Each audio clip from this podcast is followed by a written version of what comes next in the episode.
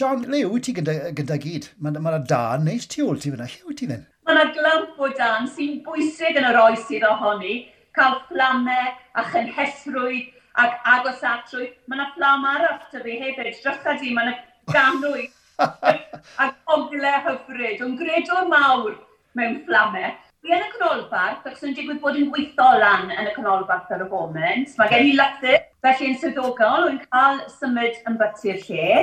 Ond fel arall, wy'n byw lawr yn y gwyr, ond wy'n ganol uh, cywys ar y foment.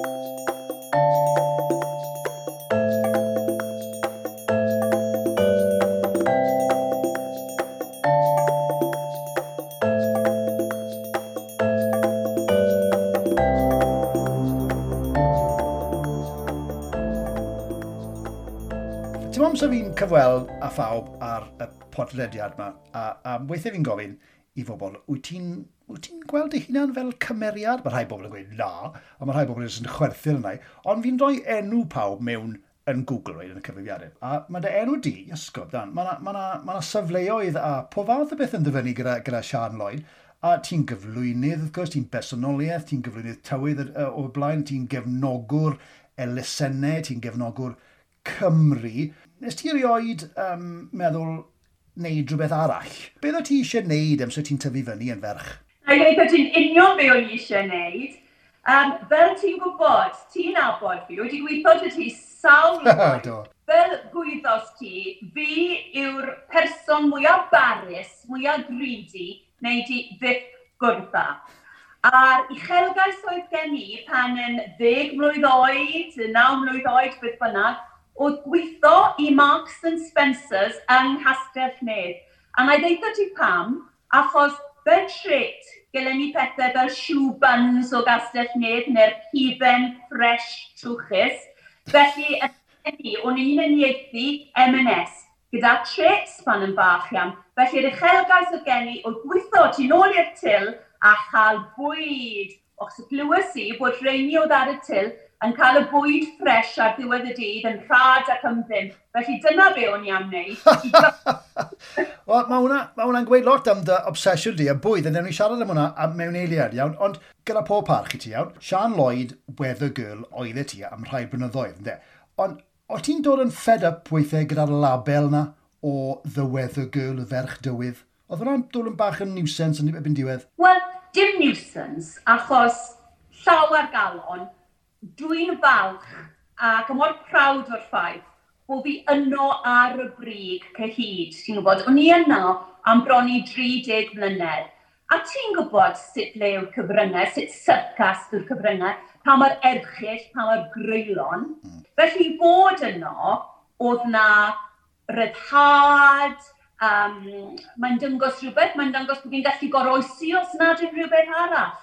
Ond o dro i'w gilydd, o'n i'n meddwl, wel, tybed a fysa nhw'n galw Michael Fish yn weather boy. O, oce, okay. ti'n ti meddwl bod bobl fel, fel Carol Kirkwood yn, yn, yn dod dros yr un, hynny yw'r un broblem ar hyn o bryd? Will she always be Carol Kirkwood, the, the weather girl? Be, yn ddiddorol, dwi ddim yn meddwl i bod nhw Carol yn ffrind i fi, ond na Carol yn dda.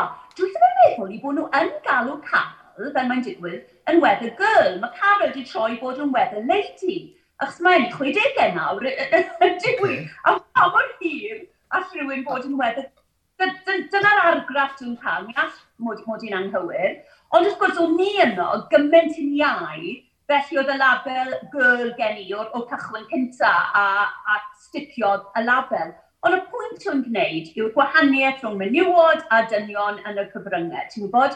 gad i fi feddwl am rai o'r enwogion, yr enwau mawr yn yr amser a fi. Uh, pobl fel Bill Giles. Meddylia am faint Bill Giles. Meddylia am ei fol. Tipyn o fol yn doi. Nawr, ti'n deitha fi bys nhw byth yn rhoi menyw ar yr air i fod yn ferch tywydd oedd a bol megis Bill Giles. Na, ac eto, fysyn nhw beth yn galw Bill Giles yn weddw boi, fysa nhw. Na, fysa nhw'n definitely ddim yn galw Bill Giles. Na, na un yn y McGaskill na'r bobl na i gyd. Ma, ma, gan i mynd nôl, reit, gan i mynd nôl i'r cychwyn, o lle wyt ti yn reol petai bobl ddim yn gwybod, fi'n siŵr lot o fynd, ond o lle wyt ti, lle ti ysgol, lle ti goleg gyda i gyd? So, is i i ysgol Gymraeg Castell Nedd, um, pan yn bedair mlwydd oed yn dwt bach, Heb air o Gymraeg. Nawr, um, doedd oh. maniad a ddim yn siarad yr iaith o gwbl. O'n nhw'n enghraifft o'r genhedlaeth gollodd yr iaith o achos i'r ddiennu nhw yn meddwl ta Saesneg oedd yr iaith i dod mlaen yn, yn, yn ystod i gyrfaoedd nhw. Er enghraifft, mami, yn ysgol dramatig mae steg, oedd na ddewis rhwng Ffrangeg a Gymraeg, be ddewisodd mami? gyda'i rhieni hi'n i hannog i mlaen, ond Ffrangeg yn hytrach na'r, na'r Gymraeg. Oedd pethau mor wahanol pryn ni, ac um, in parenthesis fel petai, dyna pam dwi am wneud y pwynt, dwi am weld y dyddiau yn dychwelyd, ond gyda'r prefiso, ta'r Gymraeg yw'r iaith i, i ddefnyddio um, er mwyn dod ymlaen yn y byd. O'n ma'n gweld y tablen troi a hynny, y rhieni dosbarth canol yn mynnu bod eu plant nhw ar iaith Cymraeg o achos bod yn uchelgeisiol yn ei garbarydd ac yn y blaen. Gan i siarad am hwnna nawr then, tra bod ni ar y pwnc yma, sut mae hynny'n mynd i ddigwydd? Be sydd angen digwydd i wneud hynny i ddod yn wir y bethau. So da chi'n ei wella pethau, os na le i Lywodraeth Cymru neu efe just um, agwedd pobl yn gyffredinol yw e, rhieni a phawb arall. Um, ac mae'r Llywodraeth yn bod yn hollol deg yn gwneud y gorau, mae'r miliwn yma yn does, yeah. mod yn ôl yr oedd miliwn. Um, yr iaith Cymraeg yn swyddogol, mae gan yr iaith Cymraeg yr un statws ar iaith Saesneg yng Nghymru erbyn hyn, a diolch i drefn am hynny. Ond dwi'n gwybod peth sy'n cael fi, Chris, yn anad dim byd arall yw o'n nabod gymaint o Gymru Cymraeg o fy hun i, ysgol gyfyn y Slavera, o ysgolion eraill, pobl yn cwrdda ar lwybr yr arfordir wrth gerdded yn y gwyr, pobl yn cwrdda yng nghanol cywys neu lle bynnag, pobl yn cwrdda tra'n ffilmio gyda chryw o dyledu America, a'n gwybod bod nhw'n siarad Cymraeg, ac yn syth fynd, maen nhw'n troi'r Saesneg, yn cadw mlaen yn y Saesneg er bob un dal i fyny siarad Cymraeg gyda nhw. A mae yna fath o, dim embarrass, ond mae yna fath o fel bod nhw ddim quite yn sicr. Maen nhw'n simsanu braidd wrth siarad Cymraeg. Maen nhw'n tymlo'n fwy cyffyrddus ac yn gysurus o siarad Saesneg ac yn gwneud hynny. Ac wrth bod fi'n stico'r Gymraeg ac yn mynnu, yn mynnu bod nhw'n siarad Cymraeg, maen nhw'n dod i'r arfer, a, ma, ma, ma, a, a maen nhw'n troi ac yn dweud, o, oh, o'n i'n gwybod bod Cymraeg fi gystal â hynny, ond rheini sy'n, er bod yn iaith yno nhw, rheini sy'n gwrthod defnyddio ar iaith, o'i erioed di deall hynny, fel person sy'n dod o deulu di Gymraeg, a mami a dadi ddim yn siarad Cymraeg, a ni'n tri plant, fi, Heri a David, o gylch y tân, neu yn y lolfa, yn gwrando ar y radio, yn gwneud gwaith cartre beth bynnag, o'n ni'n tri yn mynnu siarad Cymraeg gyda'n gilydd ac yn troi Saesneg gyda mam a dad yn hollol ddwyieithog. Ti'n mod, dweud bod fi'n hardcore neu cafon neu beth bynnag, dydw i ddim yn credu modi, ond wrth bod fi'n cwrdd â pobl um, wrth gerdded, achos y dyddi yma, does dim byd i wneud, os e? Ond ond mynd i'r siop i brynu bwyd a, ch a cherdded, yn yr unig beth allwn ni'n wneud. Os oes rhywun yn aros yn mwyn i fi basio heibio, tymod yn glen ac yn bylau, byddai'n dweud um, diolch yn fawr, thank you very much yn ddwy eitho. Yeah. Yn wedi'n yr ardaloedd sy'n fwy Saesnigedd yng Nghymru, ond meddwl bod yn bwysig tynnu sylw at yr iaith. Tyma, mae lot yn haws i dweud, oh, thank you very much, ond na, wy'n mynd i trefnyddio Gymraeg hefyd. A bob amser chi'n bod fi yn M&S, yn Tesco's, yn prynu bwyd, mewn tŷ bita, neu lle bynnag, Byddai wastod, wastod yn deud y ddod, siomai, how are you doing, thank you, diolch yn fawr. Ni gorfod, fel iaith leiafrifol, bydd y brwydr byth drosodd, byth. Di ni heb ennill, a bydd nad yn sôn am gydraddoldeb nes bod pobl yn newid i hadwedd nhw yn y marn i. Pam wneud i mewn i lweidyddiaeth? Na, mae'n ormod o waith. Ie, ar un adeg yn lysau deitho ti. Mae'n gosb uh, 24-7 gwleidyddiaeth. Mae'n lot o ormod o waith. Wneud mae gyd feini di yn yeah. gwneud. Na, na, digon te. Ond ti'n meddwl yn ogystal â, â, dy rieni ddim yn siarad Cymraeg adre, ys ti ysgol ysgolfera, oedd yn ysgol yn amlwg, oedd yn, oedd yn hybu'r iaith tipyn sy'n ni'n meddwl, a, a wedi mynd i goleg. Lle ys ti goleg a coffa fi? Uh, is i'r ddau dydd yn gynta, a wedyn ni, ar ôl cael gradd dda yng Nghaerdydd, ys i'r i dechrau ni goleg yr Iesu. Reit, na fe. A felly, oedd, oedd yr, yr holl uh, angerdd mas i gyd i, ynglyn â'r iaith ac ynglyn â Chymru a Chymraeg yn dechrau byblo fyny bydau bryd hynny? Wel, maen nhw yn dweud gorau Cymro o ddi cartref. Ie, ie, ie. Penedol yr eiliad, nes i adael Cymru. Dach hwnna i fod yn fwy ac yn fwy um, wir. Ond, un peth sy'n taro fi dro ar ôl tro yw, un o'r garbarn cyntaf ges i oedd gyda Worldwide Television News, sef asiantaeth newyddion, sy'n darparu newyddion ar gyfer ITV a'r BBC ac ati, a fi oedd i gohebydd nhw yn Llundain. Er enghraifft, petai, uh, dych chi wedi weld, sŵ Llundain mewn peryg o gau, ac mi oedd yr wrth fi, fi byddai'r person byddai'n sefyll o blaen y sŵ ac yn gwneud yr adroddiadau ar gyfer gwledydd yr holl byd sy'n siarad Saesneg, gwledydd megis Australia a Zealand newydd, uh, Hong Kong hyd yn oed. Felly, o'n i darlledu prynu i'r byd i gyd heblaw am yn gwlad ni, heblaw am Gymru bach ac heblaw am Brydain. Ond, oedd gynnwyr i staff yn llyfrennol o ledled y byd. O'n i'n gweithio gyda Ffrancod ac Almeinwyr, o'n i'n gweithio gyda pobl o Japan, o bob man i gyd. A na i ddeitha ti, Chris, mi oedd hynny'n agoriad llygad. Des i o Gymru bach, lle mae dal i fod agwedd Jurassic gan rai bobl tuag at yr iaith. y dim mae wedi gwella, ond mae mae ma rai pobl yn dal i fod mewn cyfnod y canol oesoedd yn eu hagwedd afiach nhw tuag at yr iaith Gymraeg. A'r cwestiwn dwi'n gofyn yw, what do you fear? Sut all iaith fod mor beryglus a mor scary iddyn nhw? Okay. Nes i'n ddysgu gyda Worldwide Television News yn Llundain oedd gan bod, gan bod fi'n ganol um, crochan o bobl o bob man, oedd llwyth, mor redbol, mor naturiol, bydde un person yn siarad uh, iaith gwlad Siapan, bydde rhywun arall yn siarad rhyw uh, dialect o'r Afrig, bydde fi yno yn chwifio'r baner dros Gymru. a popeth mor naturiol, oedd dim hang-ups gan y bobl yma o safbwynt iaith. So pam, dweud wrtho fi, pam yma yng Nghymru, mae dal i fod pobl â hang-ups? Wel, gaf i, gaf i, gaf i roi rhywbeth mewn i ti fel rhywbeth o Devil's Advocate fan hyn. A gyda llaw, o'n i'n o'r camera i WTN rhai blynydde yn ôl, amser amser ni'n o'r YouTube. Ti'n gwybod, ti'n nabod i'r gwaith nhw. Gaf i roi rhywbeth mewn i ti then. Ydy'r ffaith, mae lle mae Cymru a Chymru Cymraeg neu Cymru Ddi Gymraeg ddim mor hyderus a hynny i ddefnyddio'r iaith. Achos fod bobl oh, mae hwn, ma hwn yn ddadleol iawn weithiau falle, fo na, fo, na Gymru Cymraeg allan na sy'n bach rhy bir, rhy ferniadol ar safon y iaith. Ac wrth farnu rhywun sy'n sy falle yn siarad bach o Wenglish, maen nhw'n mynd i weid, o oh, na, sodus, fi ddim yn mynd i dreul o gwbl, fi ddim yn mynd i siarad Cymru, Cymraeg o gwbl, mae felly maen nhw'n mynd i mynd nôl i Saesneg. O, o, os na bwynt fyna, mae rai bobl wedi gweithio i, ti'n mo?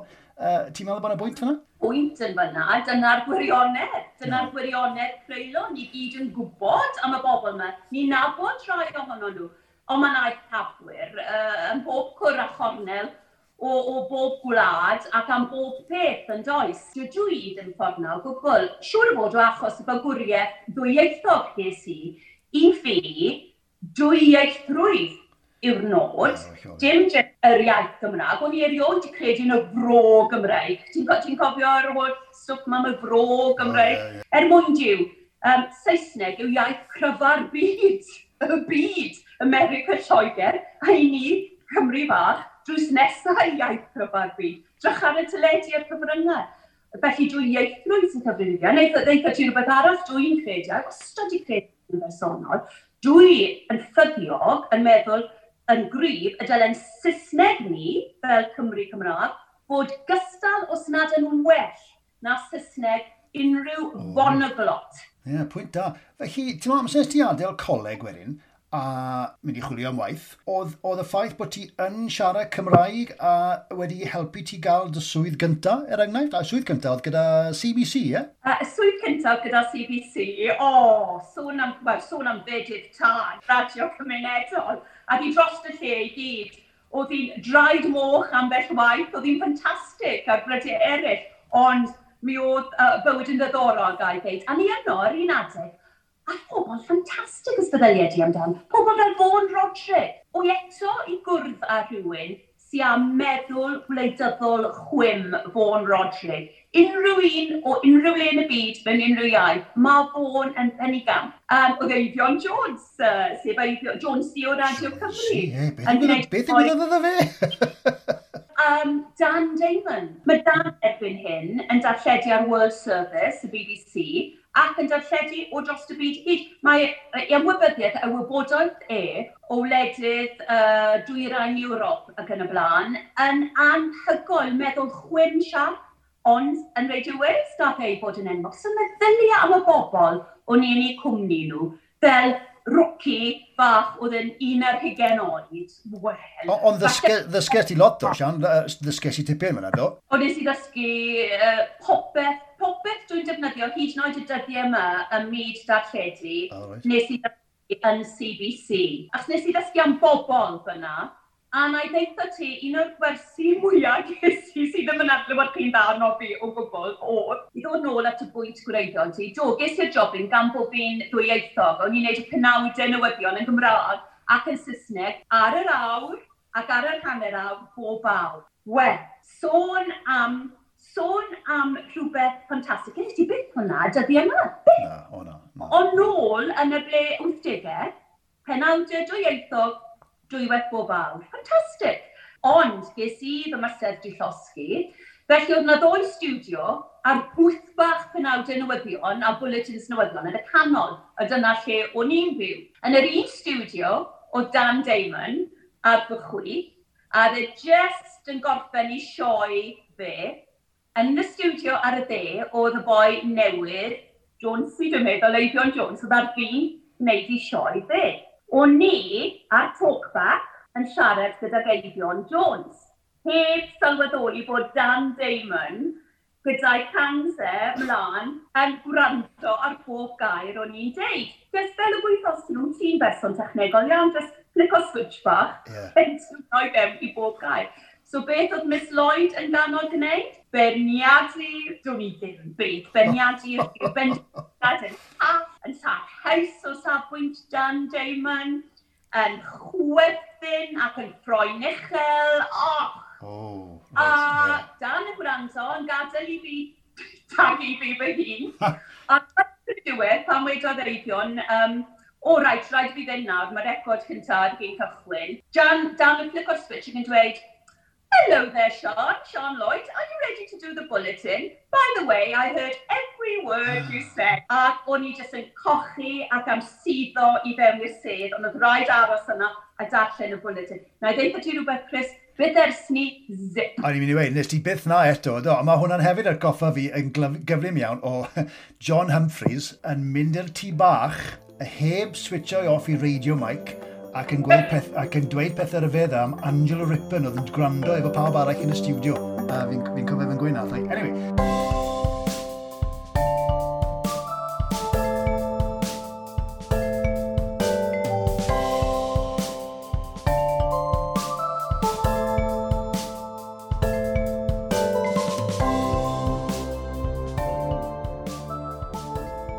ar ôl yr swydd gyntaf mewn CBC yn amlwg, wedyn oedd y iaith Gymraeg wedi, wedi wneud lot o ddaioni yep. ti um, wrth gael dy swydd yn Esbydderec. Felly oedd Esbydderec yn cychwyn yn 1982, a wedyn ti oedd un o'r gwynebau, un o'r lleisiau cyntaf erioed ar y sianel. Na fi'n gwybod oedd Robin Jones na, a oedd Sian Thomas na, a Rowena, ie, yeah, Rowena. O'n i ddim yno gyda'r lein a pwreiddiol gyda'r right. llaw. A so, rwngt S4C a CBC, es i'r BBC weitho, a o'n i'n ymchwilydd ar Wales Today. Oh, right. A beth oedd hynny'n golygu nhw bod oedd darllen y Western Mail bob bore, a dwi'n straeon o'r Western Mail a troi nhw fewn i straeon teledu gyda nhw. Fi eisiau bod hwnna ddim yn cymryd i hir y ti ddallen y Western Mail, achos mae'n fel comic. Anyway, ie. Yeah. Ond nes ti ddechrau ar, ar Esbydd y Rec, Hynny yw, yeah. yn llythrenol, ti'n modd, dyddiau cynnar S4C, oedd hwnna'n berith an hefyd, sy'n ni'n meddwl, achos oedd yn rhywbeth hollol, hollol wahanol. O ti'n vision hefyd neu just llais o ti? O'n i yn vision. Oh. Um, so, fi oedd um, ar ôl Rowena, felly Rowena, Sian a Robin, oedd e y lein upgradeol, a wedi da fi a ni a Ceidiog, ni oedd yr ail oh, right. okay, right, okay. A, mod, o sôn am Invision, wel, o'n i mewn cydeiri, clamp o gader, a rhyw fil o gwsins, o lliwgar o gylch. Wel, o'n i'n edrych fel rhywbeth mas o porn ffilm o Hollywood. a na i beth yn hofio, oedd y set yn bwysig iawn o safbwynt uh, y boes technegol o'n cwmpas ni. Felly be o'n i, oedd rhyw bwrdd oedd yn hymyl, bwrdd oedd i bod i sgleinio, rhyw fath o, uh, o blastig di sgleinio. Ac oedd hi'n cymryd polish polisio rhwng bob link er mwyn cael y sglein o'r a na beth yn hofio, gwneud un link gyda'r boes technegol wedi bod yn polisio, a dwi'n nghofio'r pledge ac yn nghofio'r jiffy cloth yn dal i fod oh. ar y bwrdd wrth bod fi'n mynd mewn i cheers neu pa bynnag raglen. Os wrth gwrs, oedd raglen i Saesneg. Wrth sôn am CBC yn bedydd tân a dysgu siwrd gymaint am y cyfryngau a phobl, y sut i drin pobl yn y cyfryngau, be ddysgu si yn S4C oedd yn hanfodol y safbwynt y tywydd oedd amseru oedd yr amseru. Yeah. Ys ydych gofyn nawr i fi roi munud deg eiliad i ti, lle ni'n neud y ffordd na. O achos, o'n i gorfod ymuno Channel 4 Llundain yn fyw gymaint o weithiau yn ystod y dydd. Oh, okay, yeah. A fel arfer, bydde rhywbeth steg, bydde rhywun wedi gwneud i sums yn anghywir, neu bydde Channel 4 yn hwyr, ac o'n i'n cael rhyw neges bach yn ynglist. give us another 30 seconds, Sean. Ac ar y cyfan, oedd y boes ddim yn siarad Cymraeg, y boes technegol, dim pawb. Felly, oedd rhaid i fi es postyn y links a siarad yn y rabach a meddwl am rhywbeth. A'n cofio unwaith, o'n i'n mynd mewn i dymor Derek Jarman ar Channel 4, In the Pink oedd enw'r uh, tymor oh. ffilmiau. Ac um, o achos rhywun yn gwneud i sums yn anghywir, un o'r cyfarwyddwyr, oedd rhaid i ni siarad am rhywbeth fel yn peder munud. O, oh, iesgo, peder munud. A diolch beth o'n fan o ffilm, Diolch beth o'n gwybod rhywbeth am Derek Jarman. Diolch beth o'n i wedi darllen yn nodiadau ymchwil, yeah. a na i ddeud o ti rhywbeth, pedair munud, i'r eiliad. Ie, ie, ie. ie. Mae ma hwnna'n sgil, yn yma. Ti'n ddim lot fawr o bobl yn gallu gwneud ar dyddiau yma, os e? Cyn mynd i siarad am y tywydd, fi'n mynd i roi deg cwestiwn i ti, right? Okay. A fi eisiau ti ateb, mor gyflym a phosib, a chi ti ymlaethu gyfyn a phosib ys ti eisiau, um, yn un â ddewis ti. Felly, fi'n rhoi'r cloc mlaen nawr. Right, rygbi neu pel droed? Rugby. Oce, okay, ti ddim yn lyco pel droed o gwbl, ne?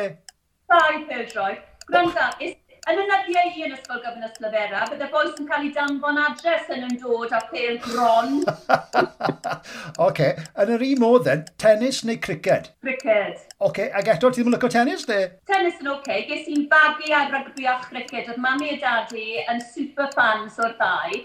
Felly, yn yr haf, fysa picnics mawr dyn ni, a elen ni i erbu Sophia neu i Abertawe, i San Helen, i wylio cricket. Hyd o'r castell nedd yn y dyddiau yna, fysa mae ganwg yn chwarae'n castell nedd dyn ni. Do, do, do, um, a wyn ni yn y geiaf, rygbi. Hwn dod o castell nedd. Castell nedd yw calon rygbi yeah, yng Nghymru. Ie, yeah. yeah, digon teg. Fyna Shane, maen nhw gyd yn cofio i dyddiau nhw yng Nghastell nedd. Wel, mae rhai o'r cwestiwn yma, fi'n amlwg yn gwybod yr ond cymryd fi'n gofyn o'ch, fi'n abod ti mor dda. So, uh, with a bit of trepidation, rhaglenni dogfen neu reality TV? O, oh, rhaglenni dogfen. yeah, well, no shit, Sherlock, yna fe'n gwybod na. Gwyn gwyn neu gwyn coch? Um, gwyn gwyn i athoer. Um, cerdded yn y mynyddoedd neu cerdded ar draeth? Ww, Ww, cerdded yn y mynyddoedd o achos mae uchder yn rhoi golygfeidd. Er bod fi'n dwlu ar y môr, mae'n lyflu cael bod lan y Mannau Brycheiniog a gweld y môr. Mae'r yeah. golygfeidd gymaint yn fwy diddorol i fyny. O, oh, oce. Okay. A, a ti a fi, wrth gwrs, wedi cerdded gan yn gilydd, uh, nid yn unig yn, yn Mont Blanc, ond yn China, ar y Great Wall. Ysgol, oh. dyma hwnna'n teimlo fel canrifoedd yn ôl. Ta beth, yn y ddinas, le yn y wlad? O, oh, hanner a hanner yeah. o fedrai. Sorry yeah. fod yn wymp hanner a hanner. Yeah, fi ddim yn ei grynswt, yn ei grynswt na, dim yn llawn. na, fi'n fi, fi gweld na, fi'n gweld pam ti'n hoffi'r wlad, achos yn amlwg na lliw ti nawr, ond ti, ti hefyd yn, yn hoffi'r ddinas uh, o bryd i'w gilydd, felly, ie? Ond dwlu ar y celfyddydau, Chris, ond dwlu ar berfformiadau byw, mm. felly dinas fel Llundain y Cadydd, ond Cadydd yn gret o safbwynt y celfyddydau, ti'n modd, gyda chanolfan y millennium a'r type o bethau sy'n dod y ballet, y dramau, y music yng Nghaerdydd, y sîn, um, y bwyta, yw'n dwlu ar y mwyd. Um, eto mae Cardiff yn wych o safbwynt restaurants a Llundain, hyd yn oed yn well. Felly, uh, a dyna'r un peth o'n fynd o'n anodd nawr, yw peidio mynd i berthymriadau byw, yn fwy yeah. rili yn gweld eisiau rheini. Fi'n fi siŵr iawn am y cwestiwn nesaf, achos fi ddiodd i gofyn hwn i ti. Um, cwn neu cathod? Cathod. O, oh, oce. Okay. Um, uh, cwestiwn bach tywydd then. Eira neu mellt a tharanau? Eira. Eira. Ac mae'r wlad mor, mae popeth mor brydferth yn yr eira. A pan bod gennych chi cyfyniad o eira ar draeth ni ar lan y môr, mae hynny'n rhywbeth mor special yn tydi. Oh. Ych dwi lawr yn y gwyr, ti'n modd, o oedd ti Langlands, uh, Caswell, yr ardal ni. Ac uh, dwi wedi gweld lluniau o haen o eira um, ar y comin ac ar y traeth ac ar y clygwyni. Ac mae'n edrych yn hudol, ond o'i eriod di profi hynny lawr yn y gwyr, a'n rili really edrych mlaen at ni. O, ni wedi, ni'n byw yn Aberogwr o Mobaisi, a mae'r plant wedi sledio ar yr eira yn llythrenol ar y traeth. Um, te neu coffi? O, coffi. O, okay. Coffi, hyn law am deg wyr. Mae matcha, ti'n clywed oh, am yeah, deg wyr? yeah. matcha ti, dwli right. dwli, ond i fi, coffi. O'i ffili symud o'r gwely, nes bod fi'n cael cwpan o goffi cryf di. O'n okay. beidio dwi'n gair cyn ni. Reit, a fi'n, eto fi'n credu bod fi'n gwybod yr ateb yma. Ne, mae lle, mm, fi'n siŵr on. Llyfr go iawn, neu llyfr, ti'n modd, e-book? O, llyfr, o llyfr! Llyfr go iawn, ie. Beth e-books, Chris, o'n cysau? Na, o'n i'n gwybod. Wel, yn nes i fi'n gwybod yr atebion yn ei wneud, ond... O ie, Iosgo, mae hwnna'n i mor. Cast 22, jiw, jiw, jiw tonic mwyaf gei di yn yr oes sydd ohoni yn ystod lockdown, wedi wedi gwlychu knickers yn chwerthin. Dyma'r ail tro ni ddarllen, fel pob llyfr arall yn y mywyd, o'n i wedi darllen nhw pan o'n 16-17, lot yn rhy gynnar. O'n i wedi darllen gwaith D.H. Lawrence i gyd cyn bod fi'n 19 mlwydd oed. Loads yn rhy gynnar. Ond nawr, yn gwerthfarogi hyn, hyd yn oed mwy o trauma, fi'n fi ffeindio fo'n anodd iawn i, i ail ddarllen llyfr, mae'na fi gyfaddau, ond ti'n ti, ti oh, ffeindio ni'n mynd ail ddarllen llyfrau drwy'r amser? Mae'n rhaid i'n exactly un peth. O, oh, trwy'r amser, ti ddim yn gweld un o'r anodd ail wylio ffilmau, wyt ti? Os fi wedi gweld nhw dro ôl tro ôl tro ôl tro, ydw, a ti'n mom, yr un, yr, yr yeah. perfect example iawn yw Love Actually neu Notting Hill, oce, okay, ffain, Ond iasgob, ar ôl y degfed gwaith... Wel, ie, ti'n sôn am ffilmiau rili really arwynebol fyna. Yeah, Oes dim lot o amder yn love actually. Na, na, digon teg, ond on, fi, fi, fi yn ffynu fan anodd i, i, i wylio rhywbeth neu darllen rhywbeth fi wedi darllen y gweld y blaen. Ta beth, fi'n stopio'r oh. cloc nawr achos oedd hwnna ymlaen ymlaen ymlaen. Sy'n ffain.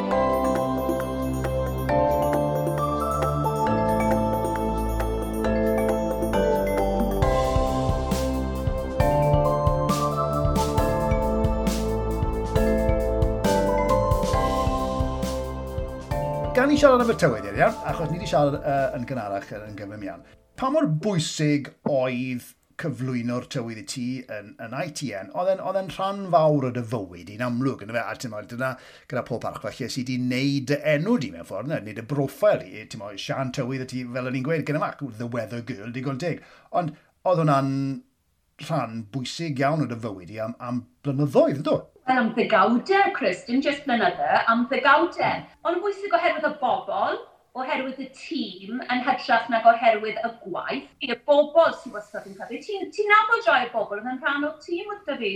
Chris, ti'n cofio pan o'n i gyd yn cerdded yn, yn China? O, dwi wir. Ti'n mynd yeah, yeah. byd, yeah, a e ddeu bennau ar dywydd y gofod yn y diwedd. Oedd y gofod o dan i o ffordd. O, dwi'n mynd, o'n i'n gwybod na. A na i ddeitha ti rhywbeth, o bobman wedi gweithio, BBC, S4C, Worldwide Television News, o bobman, o eriod i bod mor agos at dîm, mor anhygoel agos ar tîm tywydd. O'n i'n gwneud popeth gyda'n gilydd, o'i lan fan hyn nawr am hywys, Wel, yn y dyddiau a fi, pan o'n i'n gallu gwneud y pethau hyn, oedd Tim a'r ffrindiau mae fe, nhw'n gyd yn dod i aros. Mae Derek, Derek Brockwick, beth sy'n gweithio dy fe yn, yn Llundain hefyd, ti'n gweld. Oh, right. Ni nath y Derek yn, yn, yn swyddfa ni yn Llundain i bod yn gyflwynydd. A byddai byth yn cael ffrindiau uh, fel yna, byth eto yn y mywyd i. Felly y bobl, wy'n siŵr bod ti'n cytuno, dyna beth sy'n gwneud rhywbeth uh, well. well Wel, byddwn ni yn cytuno ti, falle dim y uh, er bum mlynedd diwethaf mae falle digon teg, ond, ond uh,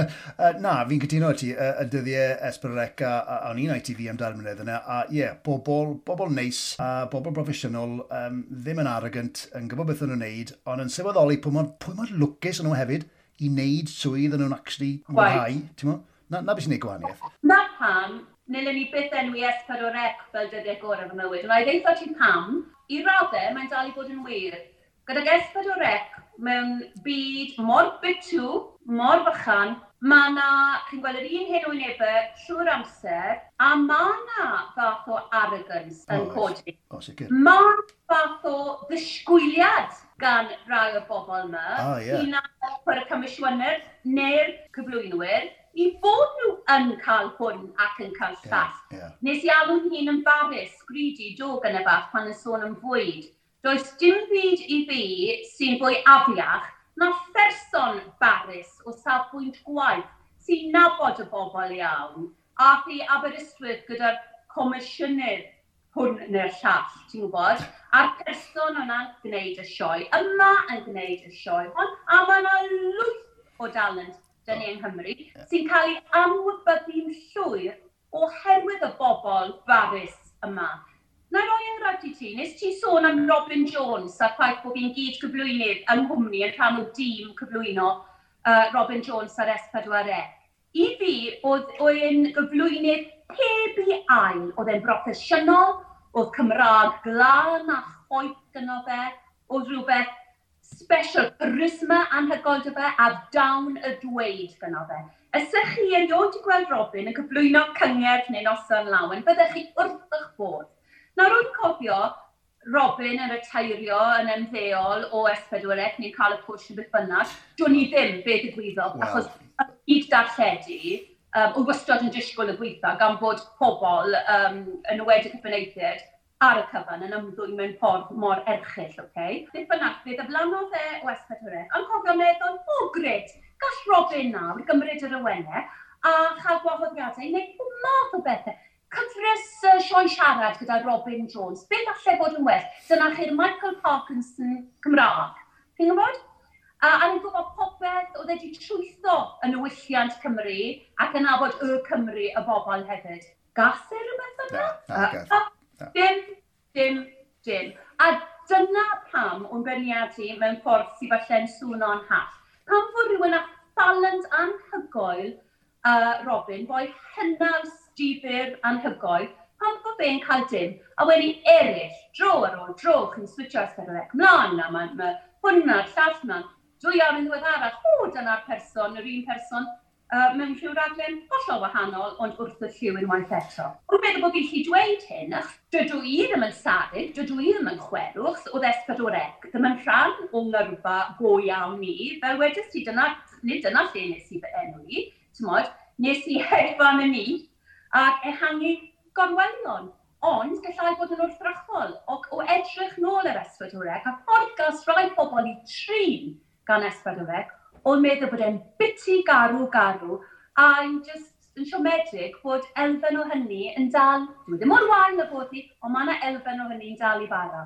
O, mae dal na, coeled i fi, coeled i fi. Wy wastad wedi bod yn rhywun sy'n gallu edrych ar bethau gobeithio mewn ffordd eitha gwrthrychol. Yw wastod ti, ers yn bach, yw wastod i camu allan o fi fy hun ac edrych. Um, o'n i'n dadle pan yn ysgol gyfan Islofera gyda Gary Owen o BBC. O, oh, right, yeah. O'n i'n rhan o'r tîm dadle. Felly, ges o'n i'n hyfforddi i fedru camu allan a derbyn dadleuon eraill, a hefyd yn chwarae bwyd-bwyd chess yn aml iawn. Mae hynny'n golygu camu allan a meddwl am symudiad um, oh, okay. y, y person oh, yeah. yn erbyn.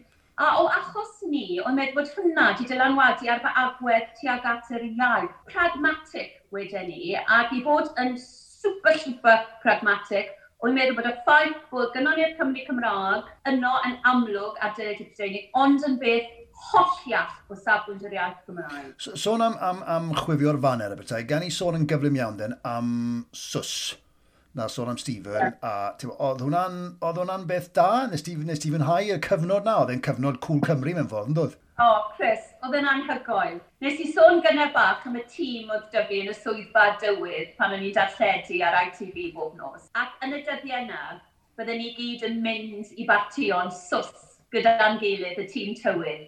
Nid fi o tu ôl i sws, ond Stephen Parry, yeah, yeah. Brenin sws. Dwi'n i syniad be oedd e, fe na wei credu'r syniad, fe na popeth. Ac oedd hi, o edrych nôl, oedd hi bron fel, fel bysau'r Saes yn dweud halcyon days, dyddiau heilog tanfau.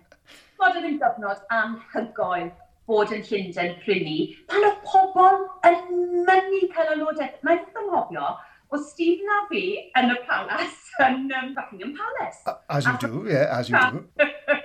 a cofio, dydw i ddim o safon brenhiniaeth o gwbl, ond eto, sôn am bod yn pragmatig, yeah, yeah. o'n i'n rhan o wobrwyon uh, dig Caeredin.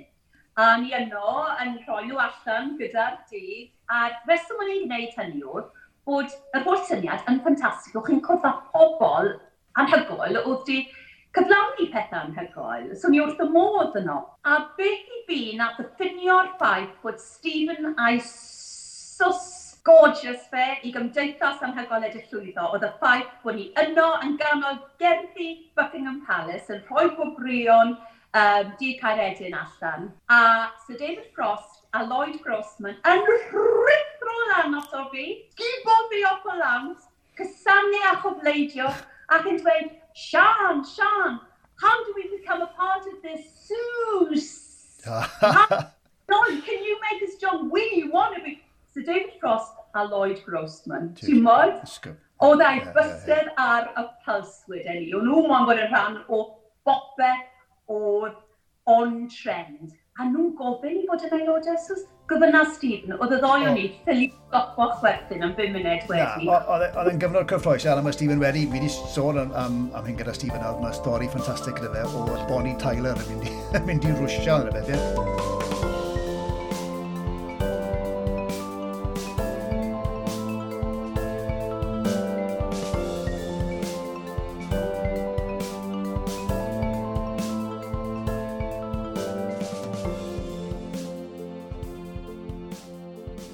anghofio'r tywydd, Sian, ac anghofio'r ffaith bod ti wedi gwneud tyfo gwaith i CNN, a bod ti wedi sgrifennu erthyglau i Mail on Sunday, bethau.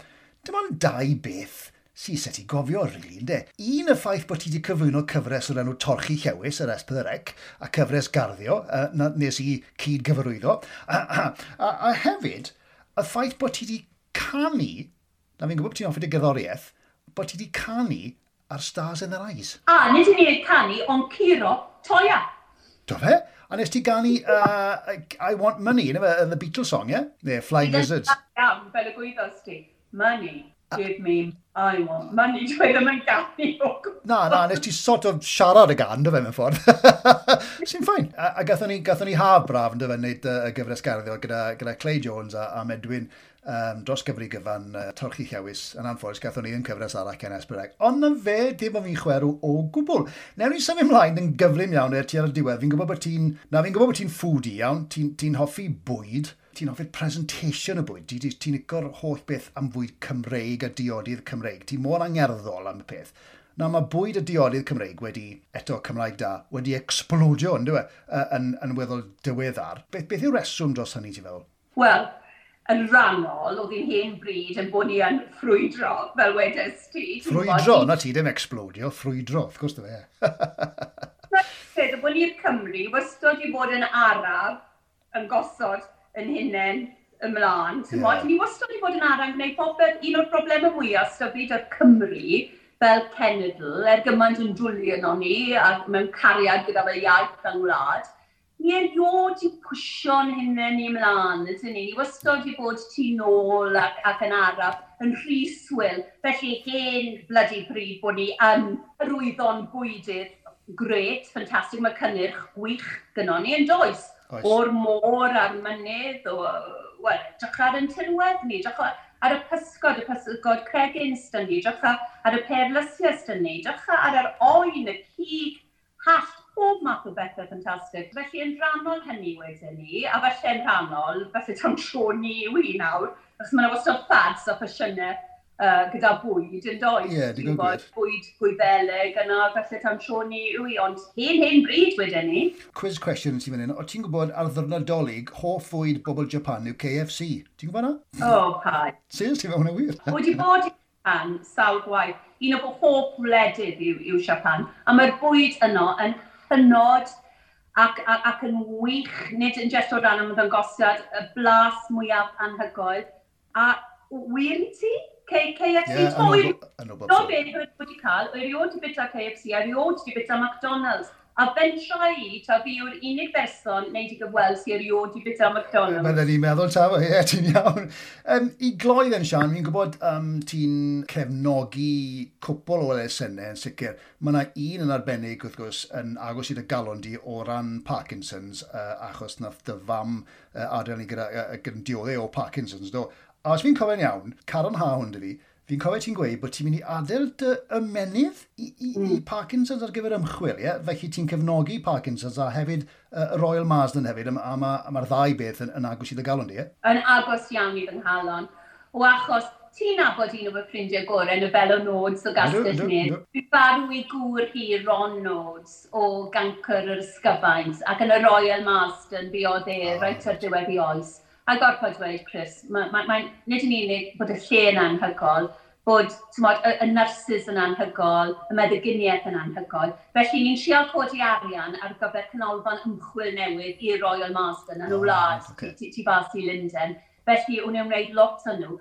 Ond wrth gwrs Parkinson's yw'r un un bwysig bwysig. Os mi farw mami, um, blwyddyn a hanner yn ôl, er wedi dweud hynny, ond mor fach bod i ddim o gwmpas nawr, Chris, achos oedd ganddo hi dementia, ti'n modd, yeah. yn wneud y Parkinson's. Yeah, right, okay. A eb ddeall dim fi sy'n mynd mlaen nawr, a mor falch i fi fynd cyn bod... Ie, ie, na fi gyda. Um, a ydw, i'n mynd i adael yn y menydd i pa, ond yn wastad i credu mewn popeth o, er enghraifft, mae gen i waed eitha um, bineg, stafis, gwaed sy'n, ag ond o'n meddwl un mewn 20 person sy'n arbennig, a wastad yn rhoi gwaith, wastad. Oh, right. Felly bod yn ganol, mwyn bod, rhywle yng Nghaerdydd yn siopa, sy'n ni'n gweld fan rhoi gwaed yr NHS, ilen ni fewn ar garlam gwyllt ar rhoi gwaed. Um, a, a wastad wedi credu'n gryd mewn rhoi o'r, or ganau, a yn prawd iawn o'r ffaith bod ni yng Nghymru, di arwen yeah. o'n i ar y gad yn dod ni, mae'n rhaid opto allan nawr. Felly, peth hawdd iawn yw roi eich ymenydd chi i rywun fel fi sy'n credu'n gryf, y dylen ni roi nôl yn hynny o beth, a helpu'r ymchwil a helpu'r gwyddonwyr. A pwy bynnag sy'n mynd i gael dy menydd di, Iosgop, so'n yn gwybod pwy mor lwcus i nhw? Do'n ni ddim am hynny. Mae'n mor siarp o gyda'n arfer bod. Meddylia, allan nhw weid, yes, I got Sian Lloyd the Weather Girl's brain. Meddylia. Wait, wel, fi'n mynd i anael ti fynd, achos fi'n credu bod eisiau rhoi blocyn bach arall ar y tân a ti o'r tîm. Mae'n dechrau mas iawn, fi'n meddwl, ond nid yw'n yn iawn. Na, tân iawn yw e, ie, ie, ie. So blocyn bach arall ar y tân. Mae'n chwil o boi. Mae di bod yn mynd ers rhywbeth fel canol bore yma, gan bod y boiler di torri na pam o'n eistedd yma mewn siwmpwr trwchus a thri hain o dan y siwmpwr a'r tân yn mynd gan bod y boiler di torri yn dish yma nawr, ai ond yn gobeithio y bydd yn cyrraedd. Achos os dim dŵr cynnes yma, a dim gwres heb law am y tân, ond fel, fel y wedi di, yw jyst i bod yn eistedd yn ganol y tân. Yeah, Byddai'n cynnig tan hyn o'n sicr. Ei, diolch o galon ti. Um, please edrych ar ôl dinan. Um, mi'n gobeithio eith pethau nôl i, i, i normal, be bynnag yw normal. Er wedi gweud ni, so ni rili really eisiau mynd nôl i normal, yn ni fel oedd e o blaen, gyda'r rhai pethau. Ti'n mwyn gobeithio beth pethau yn gwella, uh, o ran rhai pethau yn amlwg. Ond plis edrych ar ôl hynna'n aros yn iach. Sut mae bobl yn cael gafel yn y tŷ? Wyt ti'n neud cyfryngau cymdeithasol? Os gyda ti dy safle i we o hyd? Ydw, um, dim safle we, achos dydy yma yn y Twitter ac Instagram yn ffain yn yeah, dweud yeah. bobl fel fi. O'i ar Twitter yn ddyddiol, o'i ar Instagram yn ddyddiol, Twitter at Sian Weather, Instagram at Sian Lloyd Weather, ac wrth gwrs ar, ar, ar Facebook hefyd. Ond mae manylion allan chi yno, ar bob un o'r platforms yna, felly dyna'r podcast.